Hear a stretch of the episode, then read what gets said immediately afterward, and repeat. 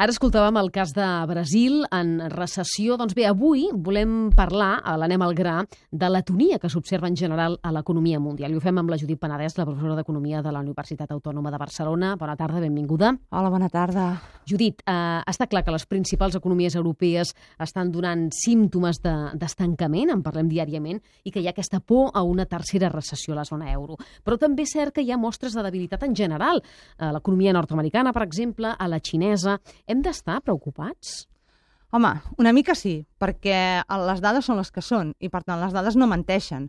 I llavors, si resulta que tenim que als Estats Units eh, el creixement és una mica pitjor del que s'esperava, tot i que és positiu, que a la Xina també el creixement, en comptes de ser un 12% com estàvem acostumats, ara serà un 7%, que la zona euro és la que potser està pitjor perquè doncs, eh, presenta unes taxes de creixement agregat del 0,8, i aquestes són una mica les expectatives, doncs sí, les taxes, de, diguéssim, les dades econòmiques no ens estan donant una bona perspectiva del futur. Uh -huh. Però no estaríem davant del risc d'una tercera recessió mundial?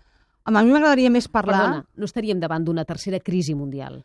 A mi m'agradaria més parlar d'una correcció de tendència que no pas d'una altra crisi. O sigui, la interpretació, segons tu, seria una correcció. Una correcció de la tendència. i una tendència de recuperació econòmica, promulguda bàsicament perquè els governs dels diferents països havien dut a terme una sèrie de polítiques econòmiques fiscals a, amb, amb l'objectiu d'intentar reanimar l'economia, perquè el Banc Central Europeu també fa el mateix en consonància amb els governs, que per tant aquestes mesures havien donat fruits de creixement positiu moderats a la zona euro. Ara, de cop i volta ens trobem que sembla que aquestes mesures no acaben de funcionar bé i de que l'economia es torna a debilitar. Això I vol dir que aquestes polítiques i aquestes mesures no serien del tot correctes?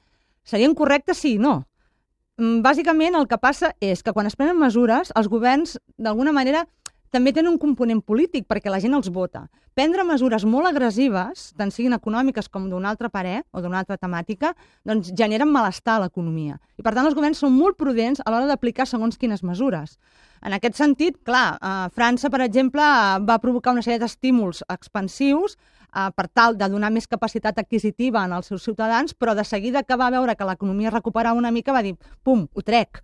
Sí? Uh -huh. per, per, sí. per, perquè, clar, fa por de dir, bueno, ara aquí m'augmentarà si gasto molts diners, deuré més, tindré problemes. A Alemanya ja no parlem, que és el cas com més extrem. A Alemanya és l'austeritat allò pura i dura, perdó de l'expressió. Sí. Eh? Allò, no, no, aquí no es gasta un euro que no necessitem. I, a més a més, imposa aquesta austeritat a la resta de països fent que el marge de maniobra en quant a polítiques fiscals sigui realment reduït.